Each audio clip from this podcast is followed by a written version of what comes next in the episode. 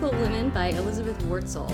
We have no idea where on Gilmore Girls it was referenced, um, but I can definitely see Lorelai reading this one. Like maybe this is like a shot of her like casually reading on the couch before Rory comes home from school. This feels like a Lorelai book and not a Rory book to me. But um, before we get started, let's tell our listeners what we're eating for Friday night dinner. Erin? Uh, I'm kind of being boring today. I'm just eating uh, chips and salsa, but pico salsa because I don't particularly like salsa in a jar. It's okay, but like the pico that you get in like the deli section, way better. Yeah. I'm, I'm generally a fan of the pico salsa myself. Not boring. Always just a basic staple of any of any good um, good diet. Liz, what about you? Well, um, I made myself a quesadilla, and We're very Mexican today because spoiler alert, I'm having Mexican too. all right, well that covers it then. quesadilla. Um, it's exciting. what I mean, anything like special about the quesadilla? I mean, just like yeah. a cheese quesadilla. It wasn't anything special. Oh, it's just cheese. yep. Oh, okay. That's Sorry. adorable. I mean, way That's- boring. Yeah, no, that's more boring than chips and salsa. I'm gonna go. Yeah, ahead that's and true. Uh-huh. Um, so I am having. I just got home from vacation and I have no food, so I got some takeout from uh, Utah staple Cafe Rio. Although I know they're all over the country now, but you know, it's it's a it's a Utah thing for sure. and um, and I got some grilled chicken tacos, and they're quite tasty. So, um, Can I just say one thing about Cafe Rio real quick? please. So there was a Cafe Rio in DC near where I lived, and it was like anyone from Utah who moved to DC would find this Cafe Rio. That's where just- they it draws all the Utahns and it became them, a yeah. place where people would congregate. And so if I've you went that. to Cafe Rio, even though it like it was um it was kind of over in like the Falls Church area, so it was a little bit outside of of DC, but if you went there, you knew there was a high probability that you were going to see someone you knew because everybody went there. And at one point, they did this promotion where they had um they were selling their burritos for a dollar or maybe two dollars and people went crazy like there were lines and people were buying like four burritos and then they would just take them home and stick them in the fridge and save them and it was like a really big deal so Wow. I I mean, DC's never been the same since, I'm sure. That's great.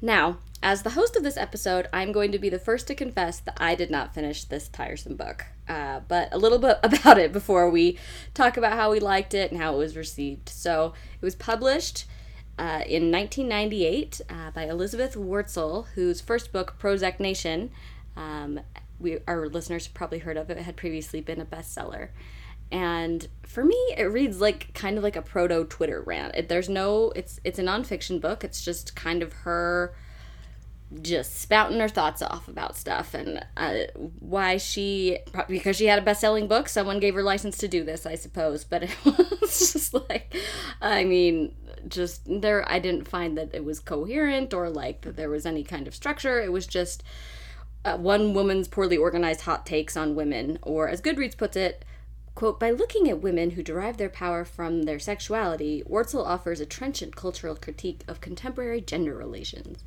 And honestly, this is the closest thing to a synopsis I can give you, and that is generous because, I mean, it's all over the place. It's not just about, um, yeah, anyway. So, um, Elizabeth Wurtzel seems to be quite the character. I did some research on her, Oh, but she's been compared to Madonna and Sylvia Plath. Uh, but from where I sit, it seems to me like she was kind of this Gen X bad girl phenom in the late 90s publishing world and has more or less flamed out since. I definitely did not think this book aged well. Um, I made it through the introduction and the first overlong chapter on Samson and Delilah, and I found what I read to be pretty self indulgent and narrow minded. Um, for me, it just kind of induced a series of yawns and eye rolls, um, and I think it was supposed to be shocking, so I don't know.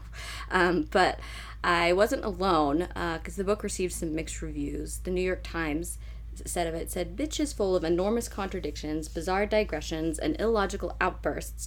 It is also one of the more honest, insightful, and witty books on the subject of women to have come along in a while. So I guess there's that. Um, and there were, mm, you know, I'm not even going to go so far as to call it insightful. Anyways, we'll get into that. Um, but the paperback edition that that I read, um, along with some positive blurbs, because you know how sometimes the trade paperback will have like, you know, r- blurbs from different reviews, and this one also had blurbs from negative reviews in there, which I thought was pretty funny. Didn't it say like like bitchy reviews or It said what? It said the good, the bad, and the bitchy. Uh, Time, Mag- Time magazine said, "Bitch is more or less a meandering lamentation on the fate of irrepressible women, those too angry, too tormented, too selfish." While Wurtzel's plaint is heartfelt, it isn't more than that. The book is all shapeless feeling. All right, okay, fair enough. Um, and the Nation says, one wants to say, please shut up, because Wurtzel rambles endlessly, making points and then abandoning them, piling up plots and song lyrics and media detritus, pausing now and then to opine on various things. These struttings and preenings suggest that she prefers her audience prone, passive, and awestruck. When I finally put this book down, my overwhelming feeling was one of relief at having been released from such a confining role. Um, which I mean, props to this book for publishing that in the book itself. Yeah, I, I was thinking she probably doesn't mind that these reviews were given. Yeah, no, I think I'm I'm thinking she doesn't she doesn't mind at all. Um, and then one of the bitchy reviews says, ostensibly a book about bitchy women throughout history, it is really a bitchy book about one woman, the author herself, which that's from Swing, which must have been some sort of publication in 1998. Um, but I think that's pretty much the main takeaway, right? She's trying to. It's not as if it's like any kind of academic exercise. It's just one woman's thoughts about what she thinks about difficult women or bitchy women or sexual women or I don't like, even know. super time capsule of when it was written because Totally. the women it highlights are like Amy Fisher, Princess Diana, Hillary Clinton is the And her first takes on lady. Princess Diana are so off. It O.J. Simpson crazy. and Nicole yeah. Brown Simpson. like, if you just want to like a t- time capsule snapshot of what this woman thinks about women in 1998, that's what this book is. It go, doesn't there you go. Yeah. age beyond that. Again, it doesn't. It feels like honestly, I to me it felt like I was reading Twitter, like 1998's version of Twitter, right? Kind of commenting on like the current whatever people people were talking about at the time and someone's just hot takes looking for an, a reaction, you know what I'm saying? So that was that was sort of how I felt, but I want to know about you guys. Did you guys finish the book? What did you think? Liz? So I did finish the book, and um, that's what I'm saying. I could see all these. Like I was like, there are no threads that connect any of this together, and like I read the introduction, and I thought I was gonna be exploring like the idea of like a bad girl, I guess, and I was like, okay, or Right, same here. uh, but that isn't really what happened. But it did explore some interesting um, ideas in some places, but I really just didn't like how editorialized it was and how it was all like her views on everything. It was like her authorial voice was so strong, it was distracting. Okay, and that's a good way to so- put it. I um like there were some things that I thought were interesting and like it was funny to read it now like haha oh look look at this chapter where it's talking about first ladies and um it brings in Ivana Trump for some reason like what's that about anyway so I thought that was kind of an interesting well that not alone but like there's just all these moments where as I was reading it today like where she um where it just didn't age well and if I were the author of this book, I would be like, yikes. I'm kind of regretting that it's all out there. But I think that's the nature of writing a book like this or being an editorial writer is that you're going to have these strong opinions that are now out there for everyone to read and take in. And they don't always age well, right? Like times change, people's views change, and circumstances change, and it just sort of Yep. goes goes that way. So it's um I guess I would give it like a 3.5. Wow, I- I'm surprised you'd even give it that high. Well, I mean I don't necessarily have to agree with everything she Sure, says, sure, and sure. so and I certainly didn't. I mean, I didn't find it that frustrating. It was just kind of like I said, like an interesting historical, like glimpse into my 90s world, right? Where I was like, oh me, yeah. it just went on and on and on. She does have her way around a pithy sentence or two, but like, that's just she makes her point and then she just like keeps going and going and going and going. And I struggled with the structure of it in that way. So, but that's not to take away from your review. I apologize. I mean, I finished it. uh, good job, uh. What about you? Um, I also did not finish this book um, for several reasons, but partly like I, but I agree with you on um, with both of you on the take on it. I just when I was reading it, I was like, wait, where are you getting that from? Like it, like it was a very it was different than reading something like Backlash because with Backlash, I'm reading editorial comments, but I'm But also there's reading research, data. there's yeah, data, there's yeah. research, and there's effort that's gone into it. And this felt kind of like a journal entry of someone who, like, edited edited her journal once over, you know, and um, and just had stuff on her mind. And I was kind of like, I don't know. It just yeah, I mean, I thought it brought up some interesting ideas, and there were things where I was like, like on the part about Samson and Delilah, like Sarah, I think you mentioned that earlier, but, and I'm sure we'll talk about this, but I, there were th- times where I thought, well, okay, it is an interesting mental exercise to think about the story of Samson and Delilah from Delilah's perspective, and to think about, um, to think about it maybe in a different way than anyone who's ever read the Bible or heard that story has always been taught it.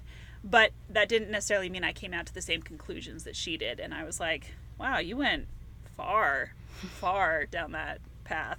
So, um, I don't know. Like I thought, like it's it's not research based at all, and there's a place for stuff like that sometimes. But if you're gonna write a whole book on it and expect it to be taken seriously, I feel like I would have appreciated something more in there than just again, like I think the premise is interesting, and I think the idea of talking about difficult women is a really, really interesting one. And we will get into this, but you know, talking about the role of women out there in the world and the way that the world views women who are difficult, that's a very, very interesting topic. Mm-hmm. I just don't think she did as good a job as she could have of actually addressing that topic. It was just, it was kind of like a first pass at thoughts that she had, not anything really more substantive. Yeah, no, I agree with you. I think that, and that's a really good way of putting it. It did just kind of seem tossed off a bit. Um, well, and it was just so like personal for her, right? Sure. Like there was Yeah. it, it was a very I mean, the whole chapter on Hillary Clinton, I'm sorry, she just went on and on about how much she hates her, right?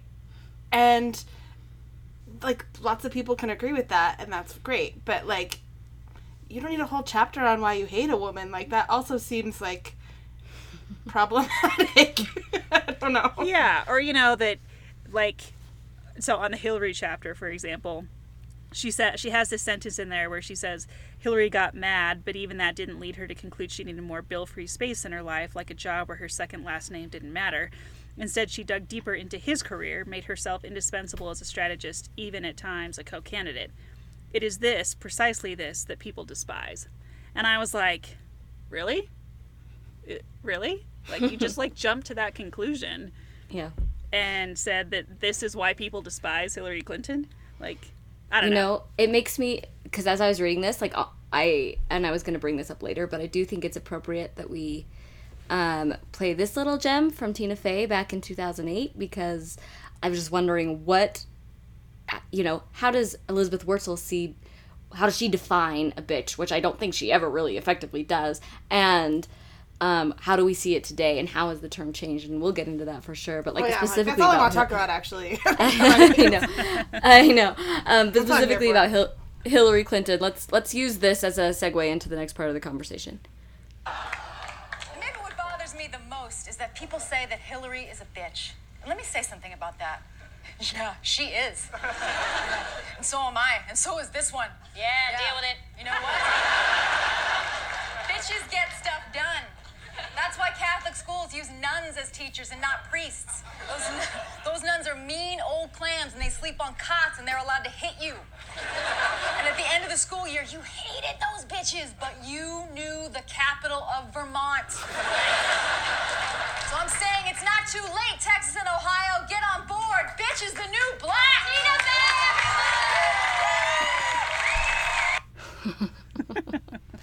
so good.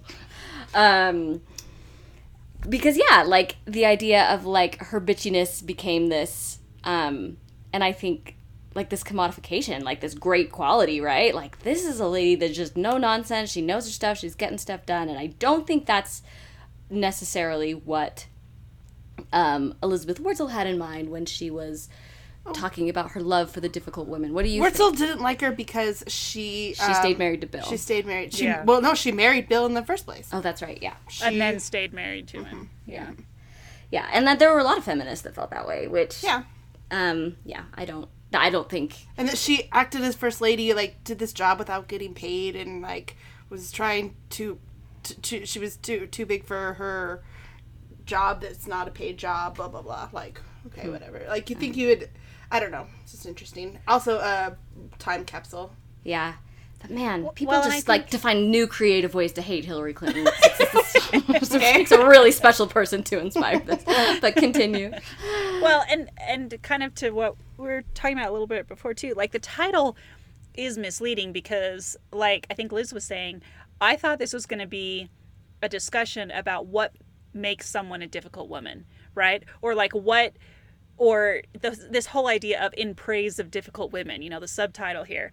But it's not that. It's just women she doesn't particularly like, or maybe she does like, but for weird reasons. I don't. It, it's right, or just- but just like even in the introduction, which I'll be honest is like the majority of what I read from percentage wise of the book, I was like, anyway, she goes off about like this, you know, there were good girls and we were all you know socialized and brought up to be these good girls and, um, and I just had no interest in I had no interest in that, and I just wanted you know I I kind of like I saw myself as, you know in in the rebels and in the you know in the bad girls and um but she never could quite identify what I don't know. And I didn't finish the whole book. Liz, you did. Like going like what's the what's the connecting theme from like Delilah to Nicole Brown Simpson? Huh? I'm confused. So There's like not. So Nicole Brown Simpson, it dealt with like violence against women. It had to do with how people. It had to do with abuse. There's also a whole chapter on like women who were um, mentally unstable and had a, you know. I mean, But Like, it's like that in contrast to like like these are the wo- that in praise of these women as opposed to like just conventional boring nice women who obey all the rules. you But, know, I mean, like uh, her argument with Nicole Brown Simpson too is that she did never like want to have a job. She didn't really like. She was like this young bride that only just wanted to be married. I mean, that that was the thread I saw. That like she had no ambition, so it was like, how dare she? But how did how was that? How, I don't know. but that doesn't make any sense as far don't. as like in praise of difficult women. That that seems to be again quite a contradiction to what to what she's but purportedly maybe writing yeah, about. no, it didn't. It didn't didn't co- go uh, go together very well. That's the problem. So like taken alone, each chapter might be again problematic on its own as well. But uh, put together into a book, it was like, huh, I finished it. Okay, cool. Um, okay, so I Well- think we should talk about yeah, sorry, keep going. no, no, just I think we should talk about the idea. Like I think we have excoriated her sufficiently. Yeah, we're done. We're done. I The know. book Sorry, sorry, moving on. Lizzie Wurtzel. Yeah. Let's Well, talk about what we wanted the book to be and get into that. Well, yeah, because I did as I was reading the introduction and um and read this passage saying somehow there are these certain women who are capable of manufacturing fascination who just seem so damn interesting. Everything they do bespeaks trouble and scandal and a feeling that even when they're home all alone, there's always a party going on. Who can say just what makes it so? And I, I thought that was an, that raised an interesting question for me. Like, what is it about you know, this kind of a woman, so to speak, although like this fascination with a bad girl. What where does that come from? What does it mean to us personally? Like cuz I do think that's a question that's been explored in our culture ad nauseum, but I'm curious how like what it means to us personally in our own lives and our own experiences as women. I mean, I don't because I would never want to like attach myself to a label of like good or bad, right? Yeah. Like I wouldn't. I think that there's like lots of things that people do that uh, have some range to them, right?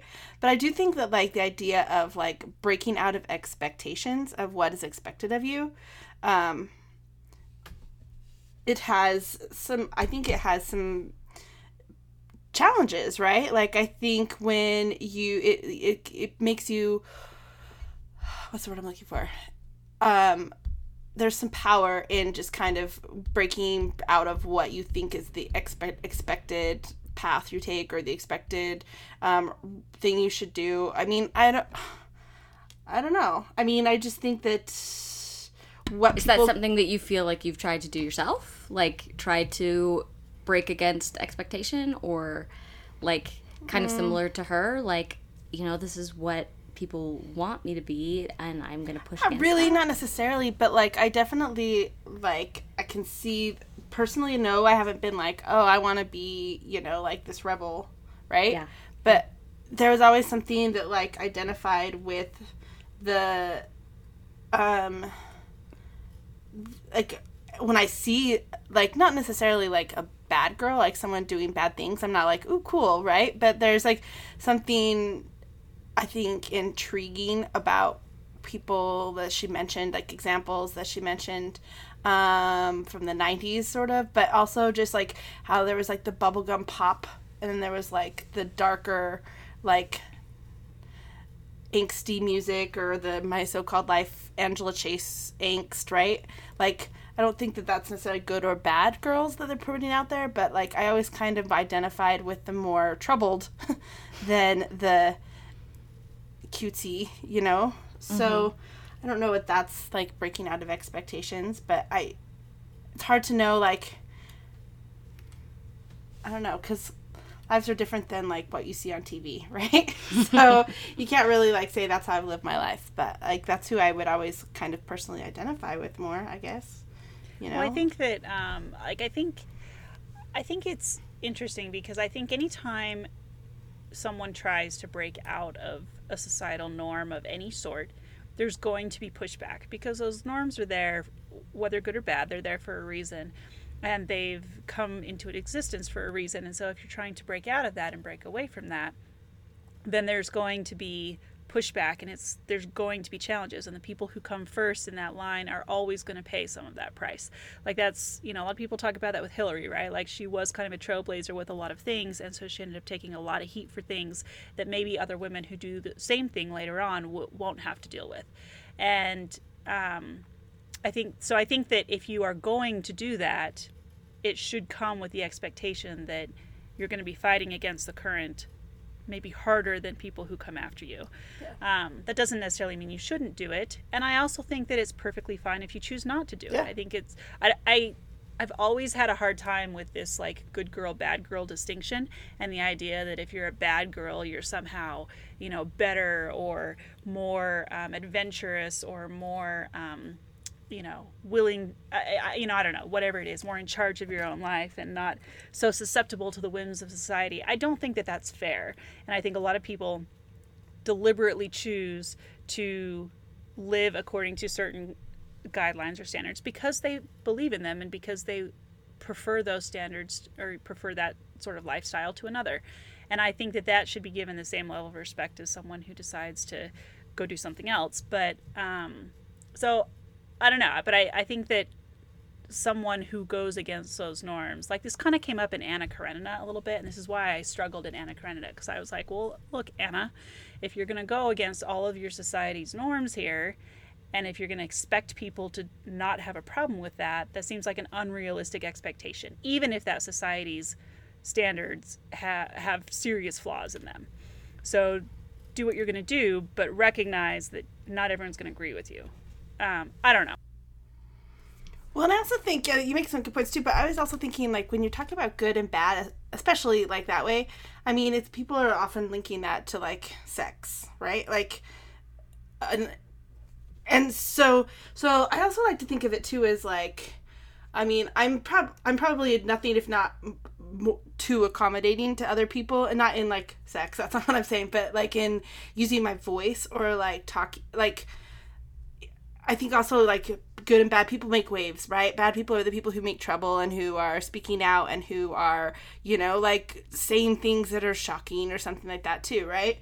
And the good people just kind of go along with stuff. That's kind of also the like thing. And i feel like uh, i always aspire to want to like make waves and like say something so like you know like say it out there but i'm just not that way personally. I would aspire to be that way but i am not. I i have definitely like am just more accommodating and just you know fly under the radar and don't want to stand out for that. But i also think like the bad girl also perception comes from someone who is speaking out and who isn't afraid to say something that's going to make someone uncomfortable or say something that is going to shake things up or you know that's one way that being a bitch comes out Sure, and maybe that comes into the play of like what is a difficult woman as Mm-hmm. opposed to good or bad. I mean, that's so black and white. It's Mm-hmm. ridiculous, right? And I think this whole like you know, from like the earliest days of Christianity and we have the Eve Mary dichotomy, I, di, di, dichotomy that that's kind of a kind of a a structure that's been imposed upon women that not necessarily like a lived experience of actual women. Like uh, you know what i'm saying? Like i think that maybe a patriarchal culture has a tendency to to do that. But um and and to maybe try and make it neat and tidy split like that. There's good girls and there's bad girls and there's um and and i do think sexuality is a big part of that. Um and i also but- think like looks. Sure Like I think a lot of that plays into like they never describe like a bad girl being like it's always like Madonna or the person who's Courtney just like Love. Courtney Love. It has a lot to do with like um, appearance and sexuality, but it would never be like someone who I mean she like rips on Janet Reno being in the cabinet and she's like, Why can't we get an attractive person? I'm like, What in the world? What's wrong with Janet Reno being in the cabinet? Like she can't be I don't know. I just thought it was like there's a lot of link to like sexuality and like appearances, Appearances, and yeah. I don't, it's just an interesting like world and that like a woman's charm and sexuality is um a burden sometimes like people don't take her seriously or um I don't or know. if she's not attractive enough then she also like i think the attractive element is so fascinating Yeah. because you look at someone like gloria steinem right mm-hmm. and a lot of people talk well Oh, there was a whole chat part of that about Gloria Steinem and Betty Friedan. Yeah. yeah and and the idea that gloria steinem had this model like appearance she was a playboy bunny yeah right like how much did that play into the success or the frustration of the feminist movement when she was out there trying to you know do the stuff that she was doing and i think you know if if you had had someone in that position who had not been as attractive as gloria steinem Like Betty Friedan. like they didn't like her. right? Yeah. Like, would that movement have gained enough traction? Like, it's, you know, having that, like, figurehead person. I don't know. There's just something so interesting about the attraction factor for women. I mean, it's there for men too. It's definitely there for men too. But I think it's, But they still get far with it. You know what I'm saying? Like people do. take them seriously. Yeah. No matter like the even more charming they are, right? like yeah. Yeah, no, exactly. And I just, I don't know. I think that that, um, I think there's a real double standard there. And I think what ends up happening is you have women who, I I think you have, you have women who end up with two different lines of difficulty, right? Like you have women who have to assert themselves somehow because they're not given credibility to begin with.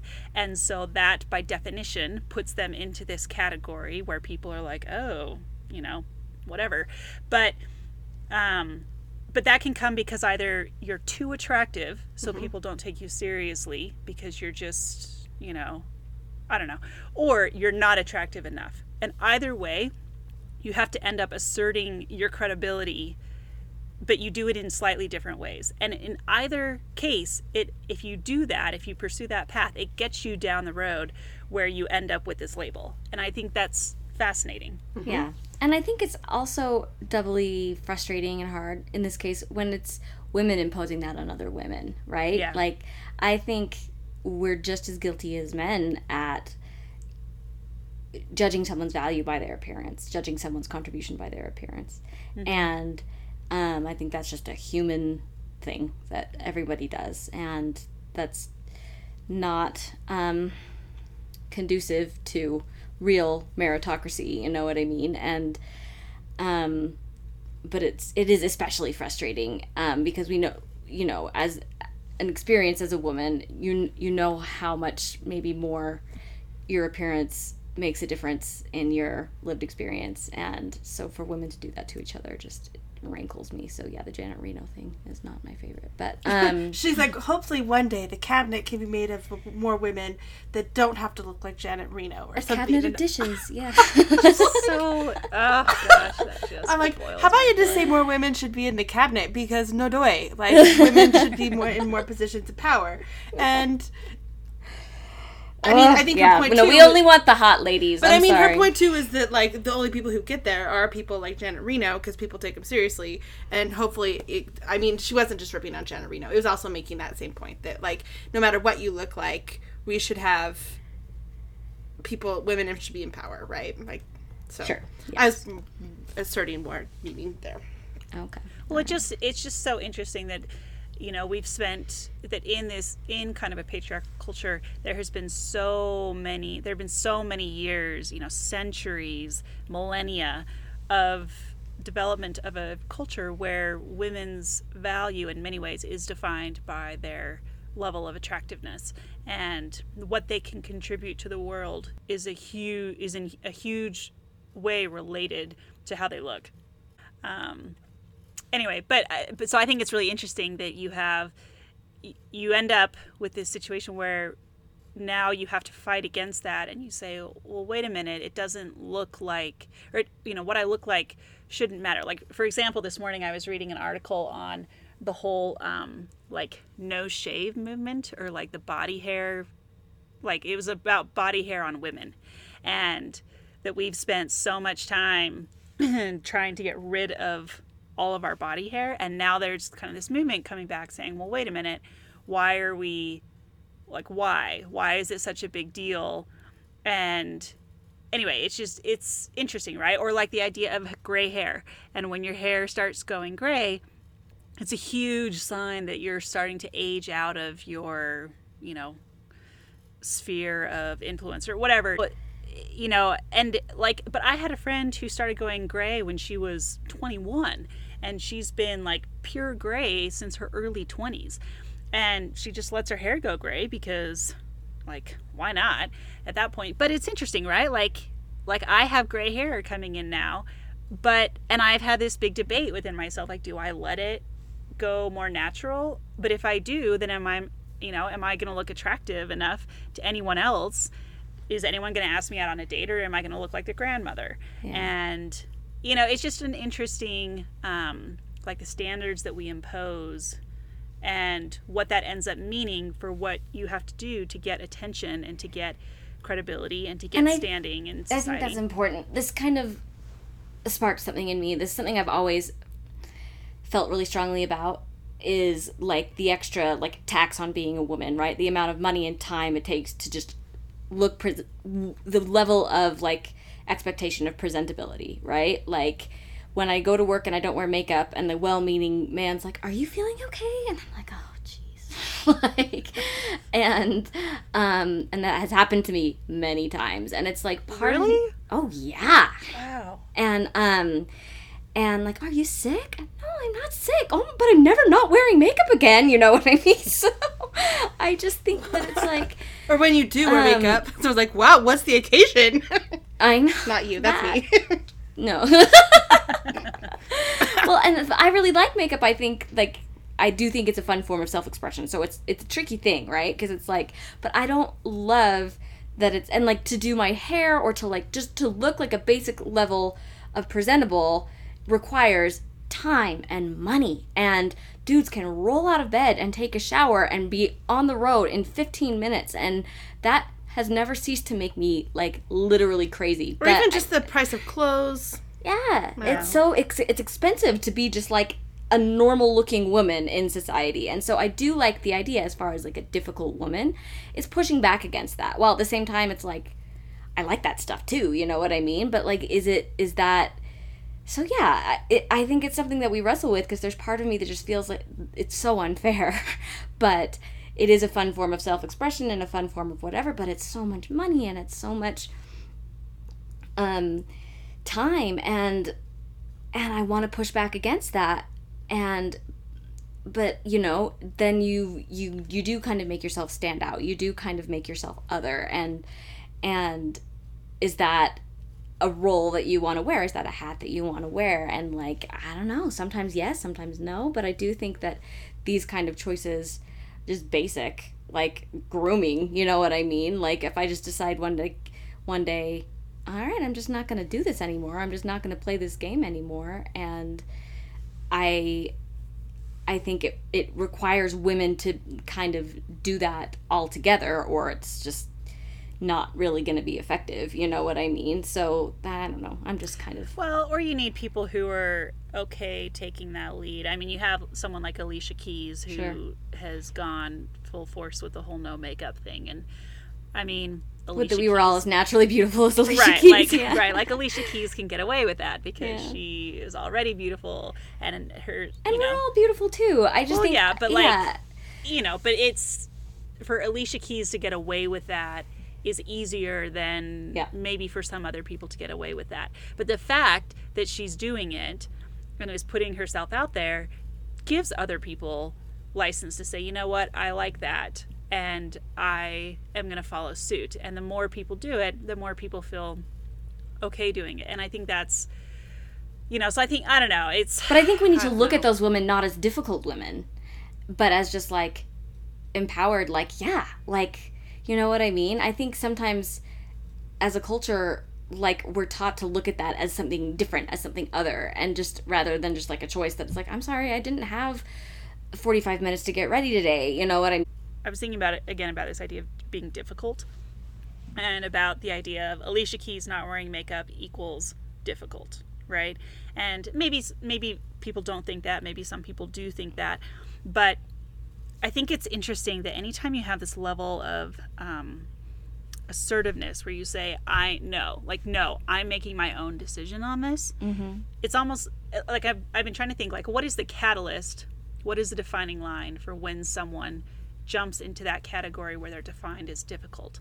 And, um, and I was just thinking kind of back to my own experience and the number of times that my parents have said, you know, you might want to tone back like conversations about your education or your career because it might scare guys off. Like it might, they might think that, you know, you don't need them or that you're too independent or, you know, question their role in the relationship or whatever it is.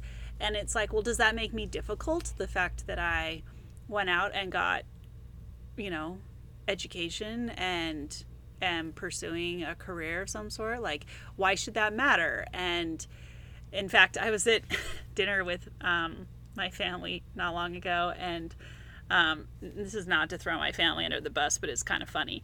But we were talking, and for some reason, we, we were talking about like people getting married or marriage or something. I don't know.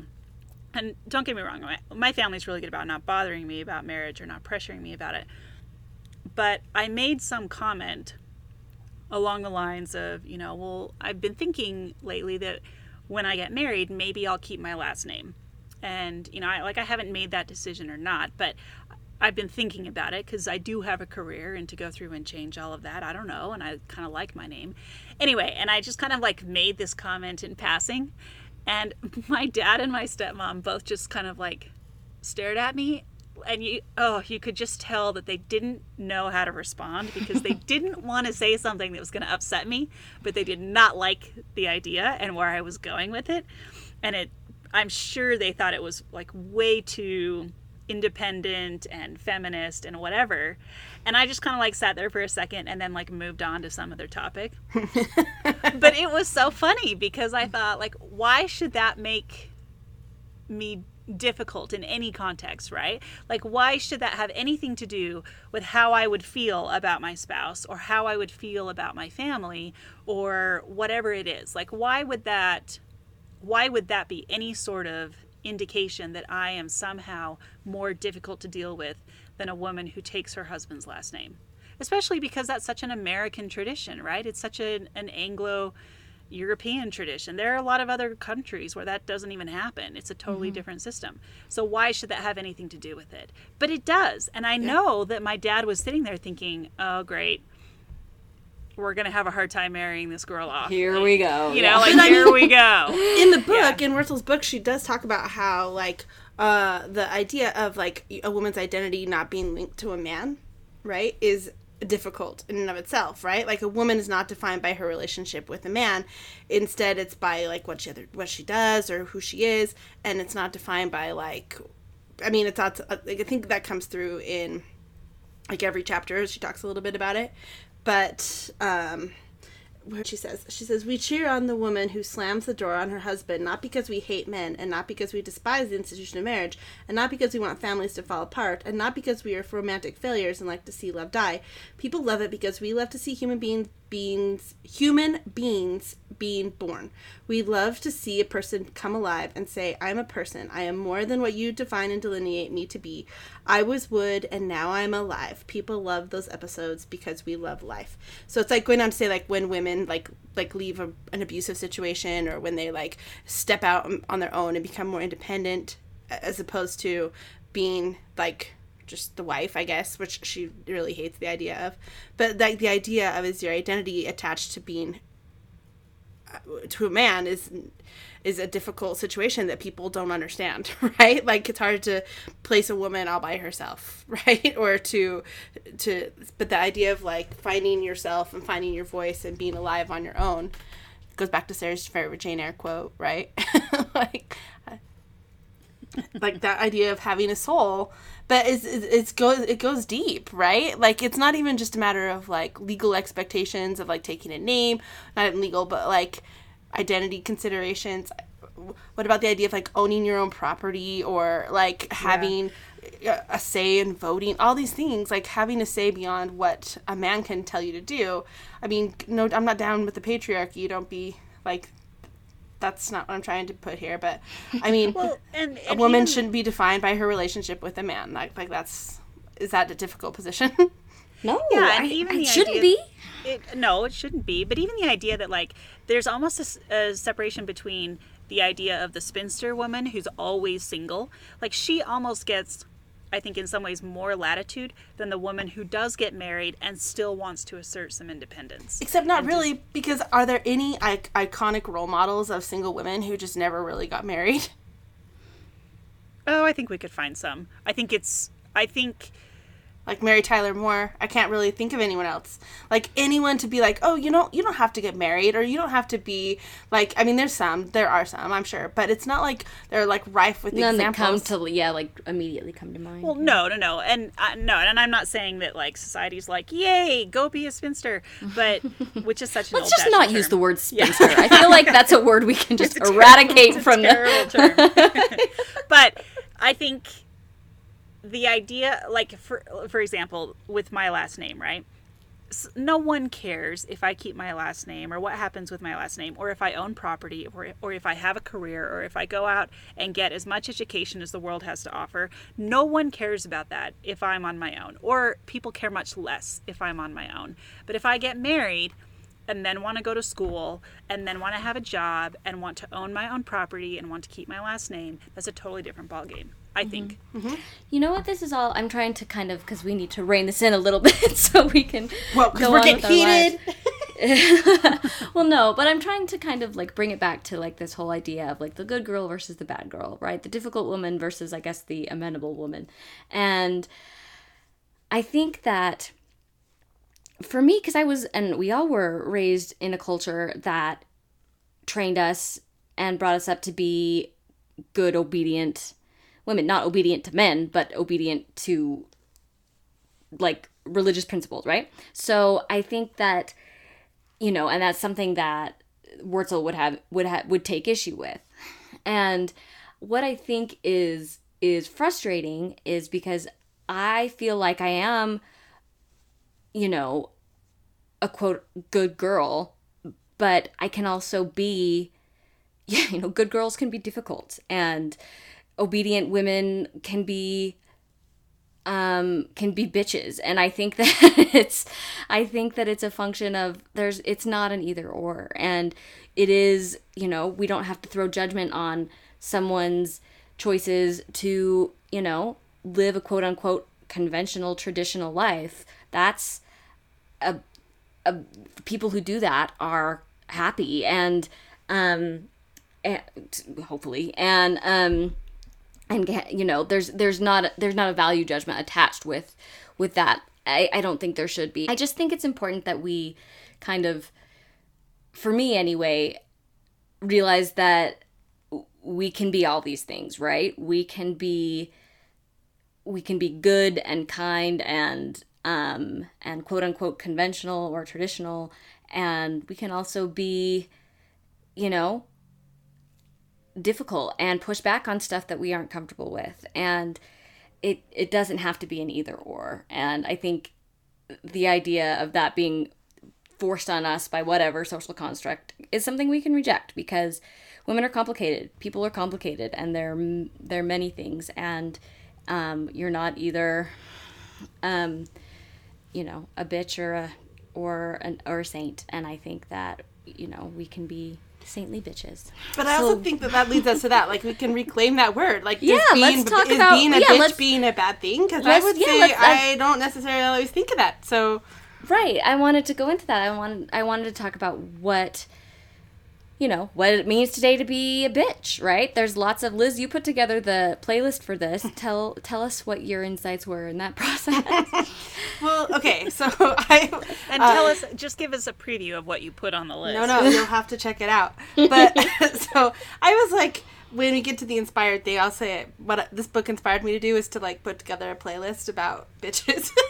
Because it talked a lot about music and the thing, but it also like one of the things I think is funny is like not funny, but like how much music now, um, like there's women like Lizzo or like other artists who are throwing out that word like that you, she's proud of it. She's 100% that bitch, right? She's so proud of it. And then there's also lots of other reclaiming like the feminists have reclaimed that word, right? Like they're proud of it. They're but they use it like with being a boss as opposed to and like being in control of their lives.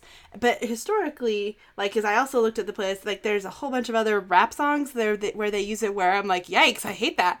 Like it if someone were to call you that, would you be offended or would you be proud of it? And I think it's all in like the context of who's saying it and how it's used. And it just seems like such an interesting like etymology of a word really because I think the history of it is like it really super was offensive to call someone that and it had to do with like being like promiscuous and like had to do with if you called someone that you were really casting aspersions on them. And um, then it turned into like the idea of being like super cool like isn't that bitchin?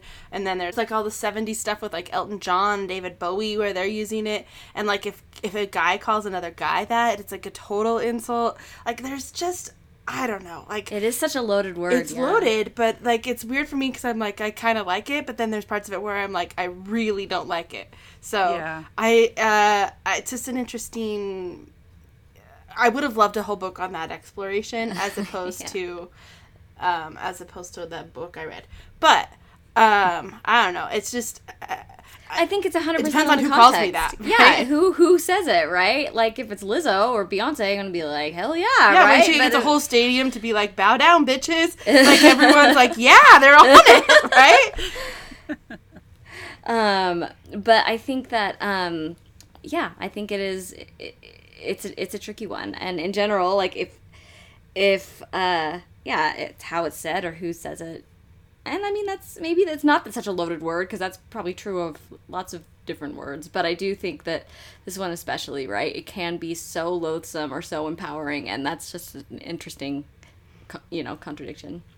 I mean, it is considered like, um, you know, in like the list of like words you shouldn't like. You couldn't say it on TV for a long time, right? It's not like it's like a word that you know uh, Yeah. that people love to hear all the time. I'll be honest, when it was etched on my window at school, I oh, was like no. a little offended, but also like a little proud. Wait, like to you personally? Yeah. No way. Oh, I mean, I'm not like offended by this at all. It was like Middle I- schoolers. yeah, it was like this class of kids that I was really not nice to. Like they were bad, right? Like I had to like really be mean. And so for sure, all of a sudden I'm like, oh look at that, and I was laughing because Word is a badge of honor. like I wore it. I thought of it that way, but like really, uh, but there was also a part of me that's like, how dare they? so I don't know. Like I just think depending on who's saying it and how it's used, it's actually kind of an empowering word. Like that it's been reclaimed, right? So I do like an idea that like you take a word that kind of can offend you and reclaim it to make it better. I don't know. I like that too. And I do think um I think it's it's a strong word. Like it packs a punch, right? And um so Context is key. yeah. Yeah.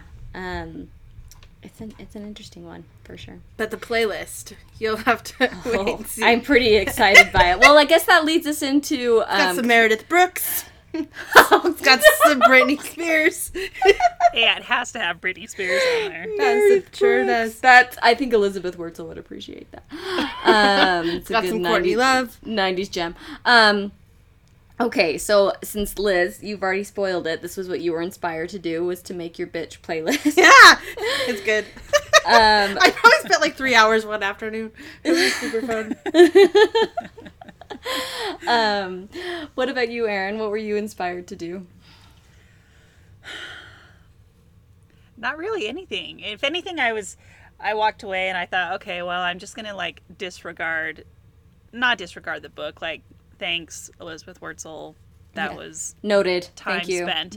but it was, um, but more that like the idea of, you know what, I'm just if I decide not to change my last name when I get married, then so be it. So it was more just like a walking away thinking, yeah, I'm gonna do what feels right and what seems right for my life and my family and my circumstance. And if that makes me difficult, so be it. Amen. I love it. Either way, it's gonna be difficult. Let's just face it. Like le- that, that's a hard thing to do. So you gotta do the It's choice. true, and we do tend to Like make it- whatever, even if you change your last name, that's hard to do. Yeah, that's true. Um, for me, so I was reading this on vacation at the beach this last week, and as I was re- as I was reading it, and I'm reading about Samson and Delilah, and I'm sitting on this beautiful beach, and I was just like, I, I, I, I guess I was inspired to put the book down and just like not have all these voices in my head, right, where I have to sit and contemplate about what does it mean to be just like I just kind of wanted to.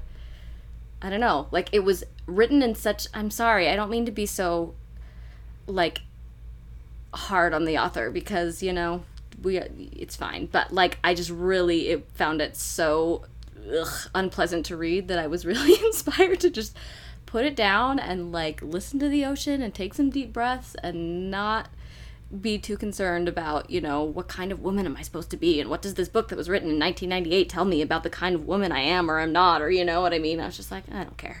Don't let Elizabeth Wurtzel define you, Sarah. Do and I put and I put it down and it felt so good to just be like, I'm not gonna finish this and I don't even care. We can still have a good conversation about it. So um so that's what that's where I was.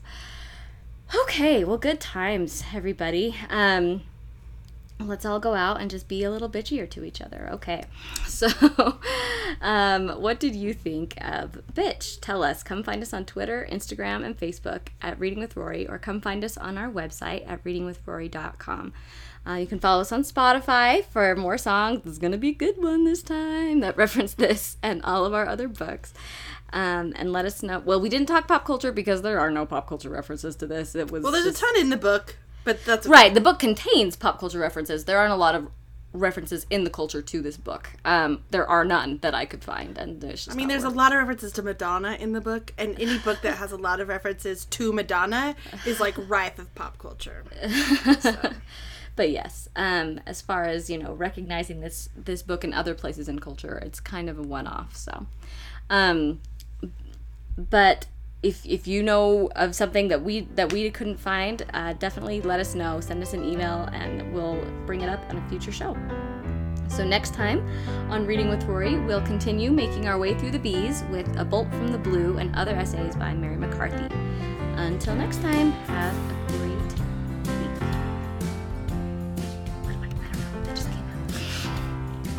Have a great week. Have a great week. That's Bye, so guys. Nice. just so nice. I can't help it. Have a good summer. Have a, be good. Go out there and be good, everyone. be a good girl. Remember who you are. Oh boy.